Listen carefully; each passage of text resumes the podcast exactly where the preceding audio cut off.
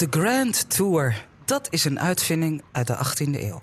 Jonge, rijke mannen vooral trokken door Europa ter voorbereiding op hun taken later in het leven. Mannen van adel, soms ook vrouwen. Janneke Budding uit Meppel die schreef er al een prachtig boek over. En een enkele Drent deed er ook aan mee. Wie dat is, dat horen we zo meteen. Hij woonde in Zuidlaren.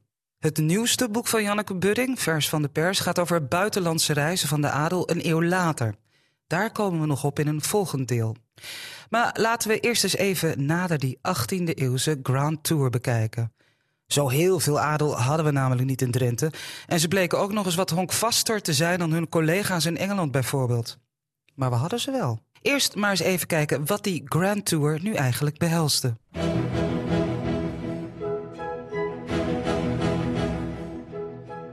En dat idee van die Grand Tour, die eh, lieden uit de adellijke stand, die dan, voornamelijk Britten, eh, Frankrijk en Italië, gingen voor hun culturele bagage als afronding van hun opleiding, om daar de manieren te leren van, nou ja, van het hof. Want ze werden geacht eh, dan in Frankrijk en Italië aan de hoven ontvangen te worden, kennis te maken met de cultuur. En dan na die anderhalf, twee jaar die zo'n reis dan toch wel duurde, het heet niet voor niks natuurlijk Grand Tour, lange reis, dan zouden zij in staat zijn om hun positie in te nemen als edelman die zijn landgoed bestierde. Hij zou voldoende culturele kennis opgedaan hebben. Dus het was eigenlijk een afsluiting van de opleiding, van het onderwijs, om klaar te stomen voor zijn rol in de maatschappij. Dat was het beginidee van de Grand Tour. Maar al heel snel veranderde dat, want wat er in de praktijk gebeurde was dat de jonge heren van adel, de milord, milordi anglais, werden ze in Frankrijk wel genoemd, dat die er toch wat andere ideeën over hadden dan hun ouders. Over de invulling van die reis. Zij kregen vaak, hadden hun ouders dan geregeld, dat ze een gouverneur meekregen. Want het was per slot educatief bedoeld en die gouverneur die moest ze dan uh, letterlijk en figuurlijk op het rechte pad houden. Maar dat was lang niet altijd zo eenvoudig, want die uh, jonge heren uh, van adel, die als ze dan een keer onder de vleugels van de ouders vandaan waren, en zeker als ze in Frankrijk waren, Parijs waren of Italië, dat doet er niet toe, dan zagen zij de kans schoon om de bloemetjes flink buiten te zetten. En dan waren ze veel liever in het, het, theater en in het bordeel dan dat ze bij een kunstcollectie gingen bekijken. En daarom hadden die, die gouverneurs, uh, die hadden het ook over het algemeen niet, niet makkelijk. Zij waren natuurlijk ingehuurd voor dat educatieve. En in de praktijk was dat dus heel moeilijk. En moesten ze die uh, edellieden, die moesten ze dan, uh, nou ja, vaak denk ik aan hun haren zo'n beetje uit het café uh, sleuren om naar een, dan toch eens naar een museum toe te gaan. Ja, ja, de bedoeling was naar het museum te gaan, om cultureel onderlegd te raken. En dat gebeurde ook, maar niet altijd. Ik vroeg Janneke Budding uit Meppel, expert op het gebied van de Grand Tour, of er ook Drenten waren die zo'n soort van educatieve, culturele, Europese reis ondernamen. Met of zonder café en bordeel. En die waren er. Een daarvan kwam uit Zuid-Laren. Janneke Budding. Die waren er wel, ja. Uh, de grootste groep uh, die op Grand Tour gingen, dat waren de Britten, maar ook wel wat Nederlanders en zelfs wat Drenten. En uh, een van hen is, ik ga even zijn volle naam noemen, was Sigismund Pieter Alexander van Heide Reinestein.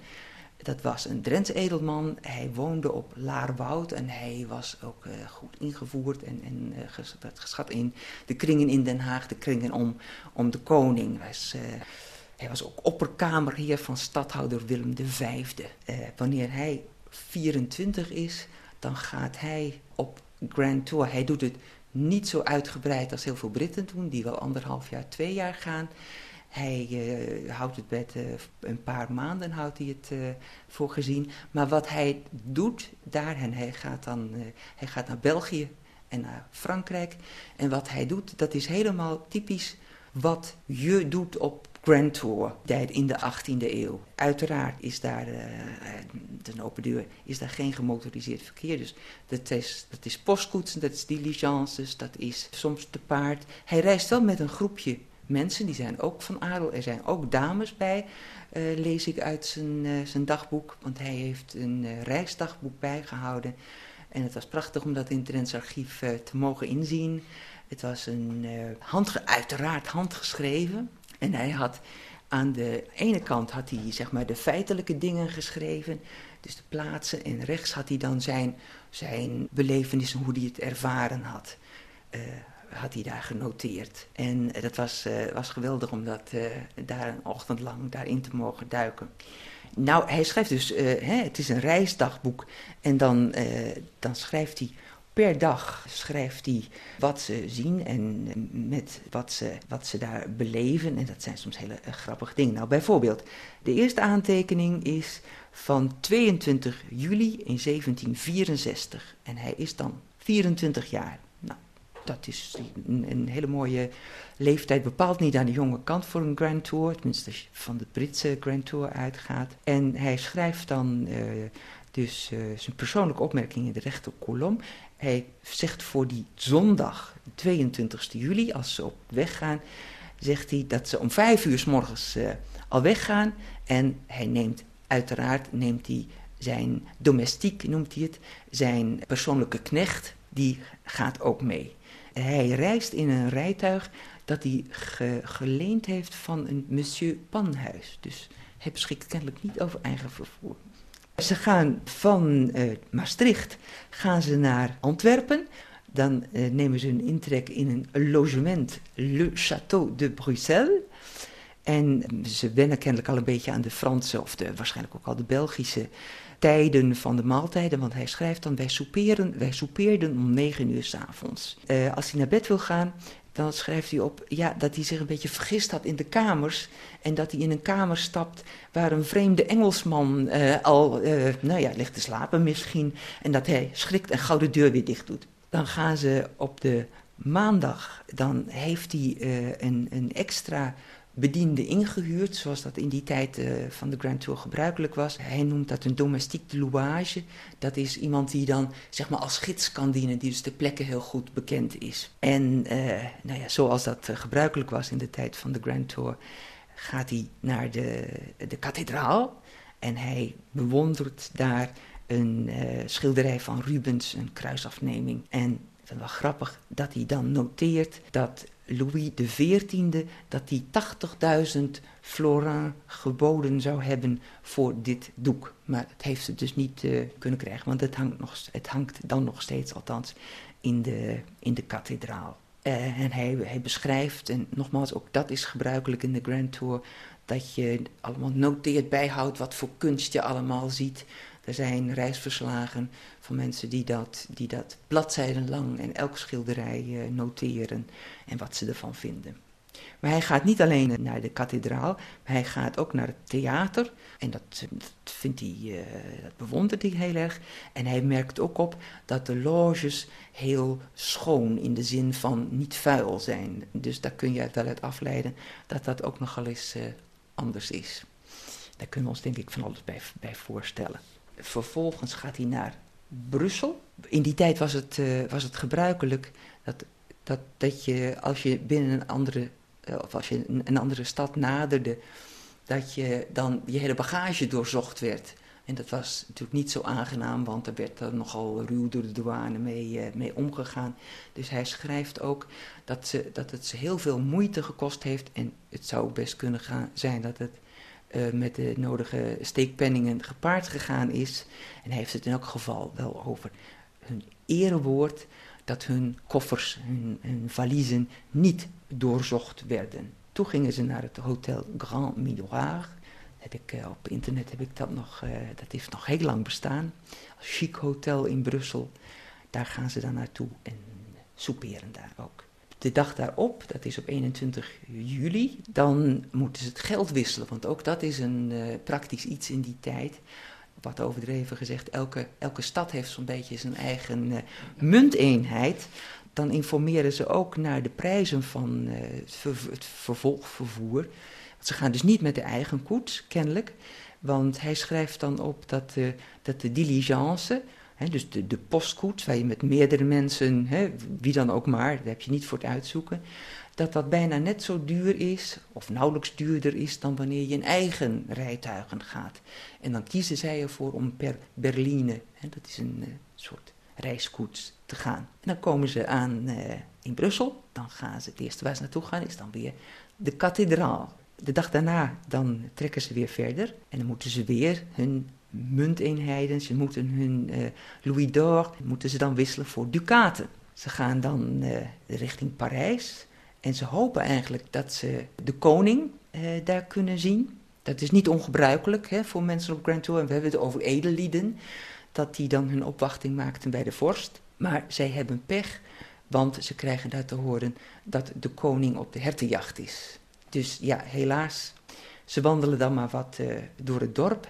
En hij schrijft dan dat de dames die onderdeel maakten, uitmaakten van het gezelschap, een, uh, dat die in draagstoelen een rondje maakten door de stad. Op de zaterdag gaan ze dan nog weer verder. Het is dan 28 juli. En dan gaan ze, en ook dat is een vast punt, vaste bezienswaardigheid op de Grand Tour. Dan gaan ze naar het, het kasteel van Chantilly. Dat is van de prins van Condé, dus een Franse prins. En uh, hij is daar ook zeer lovend over.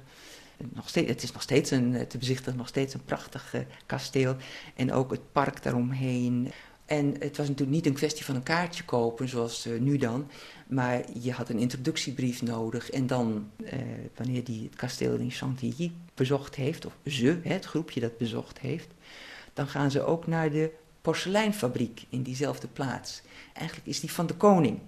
Dus het is beslist niet zo dat mensen alleen maar naar de kastelen of de kerken gaan. Maar uh, ook uh, de, hier de porseleinfabriek. Bijvoorbeeld in Parijs gingen ze ook naar de Salpêtrière. Dat was een, een ziekenhuis, ook wel krankzinnigen gesticht. Dus het was een heel gevarieerd aanbod, tenminste voor de serieuze. Voor de serieuzen. We hoorden het Janneke Budding al zeggen. Ja, het bordeel. Dat was toen al in Frankrijk een andere zaak dan in de rest van Europa. In Frankrijk mocht er meer. Er was regelgeving wat prostitutie betrof, die je elders in Europa niet vond. Oh, je kon zeker naar het bordeel. Ja, dat kon in allerlei plaatsen. En uh, Venetië was dan uh, heel. De stad van de zonde, werd die wel genoemd. Maar ook in Parijs was dat, uh, maar dat, was dat zeker het geval. En dat was ook een zekere aantrekkingskracht, uh, zowel in de tijd van de Grand Tour als in de eeuw daarna.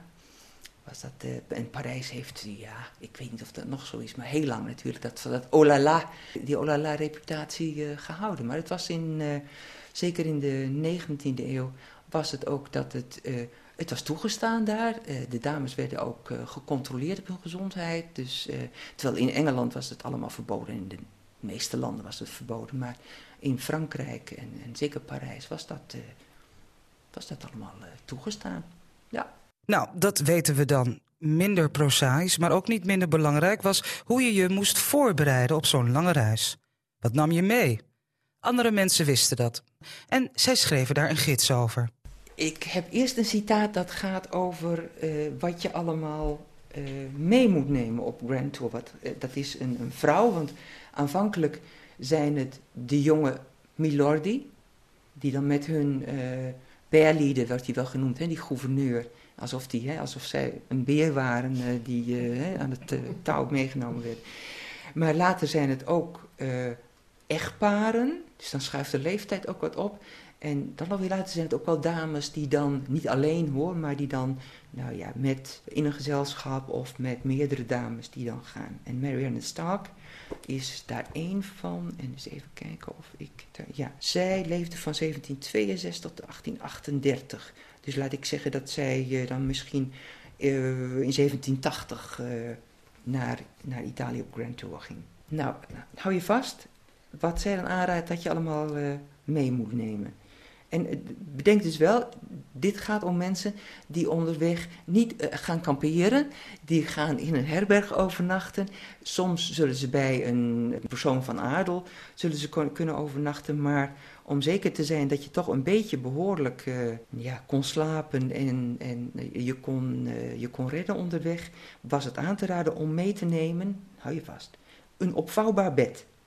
Twee grote dikke leren lakens daar kon namelijk het ongedierte kon daar niet doorheen steken, want je kon er zeker van zijn dat er vlooien en noem maar op wat allemaal in die matrassen zaten.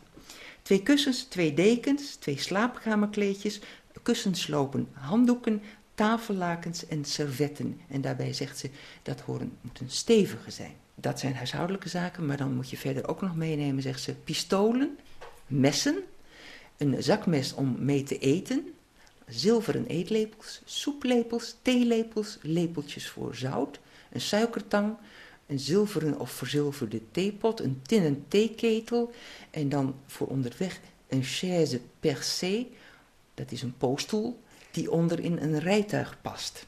Kistjes met suiker en thee, zadels en teugels voor dames en heren, dus dat was wanneer je te, zelf te paard ging en niet in de koets. Nou, de wegen eh, waren natuurlijk niet best, dus als je eens moest lopen, ook de straten in de steden waren natuurlijk vaak vuil en uh, nat, geen riool. Dus raad ze aan stevige schoenen met kurkzolen of dubbele zolen. Absoluut noodzakelijk tegen de koude van stenen en marmeren vloeren. En dan, je kunt natuurlijk ook op zo'n lange reis mm, eten dat vaak maar twijfelachtig is, kun je natuurlijk ook ziek worden. Dus dan raadt ze aan om een uh, handboek uh, Domestic Medicine, van Engelse schrijver, Engelse arts mee te nemen. Een medicijnkistje met weegschaal en gewichtjes, een kleine marmeren vijzel. En dan, en nou komt de reisapotheek, wonderolie, kinine, ammonia, vlugzout, zuivere opium, laudanum, vitriolzuur, ipecacuanha, dat is een braakmiddel, pepermuntolie en blarenzalf. En je moet ook nog een noodvoorraad eten en drinken meenemen. Je snapt wel, dat, uh, je had ook flink wat ruimte nodig in die koets. En flink wat aan uh, valiezen en kisten en zo. Om dit allemaal mee te nemen. Want verder zijn er natuurlijk je garderobe en nog een heleboel dingen die je ook mee moet nemen. In de volgende aflevering schuiven we een eeuw op. De adel reist dan door Europa. Een stuk comfortabeler en makkelijker. Dankzij de opkomst van nieuwe manieren van vervoer. Het stoomschip bijvoorbeeld.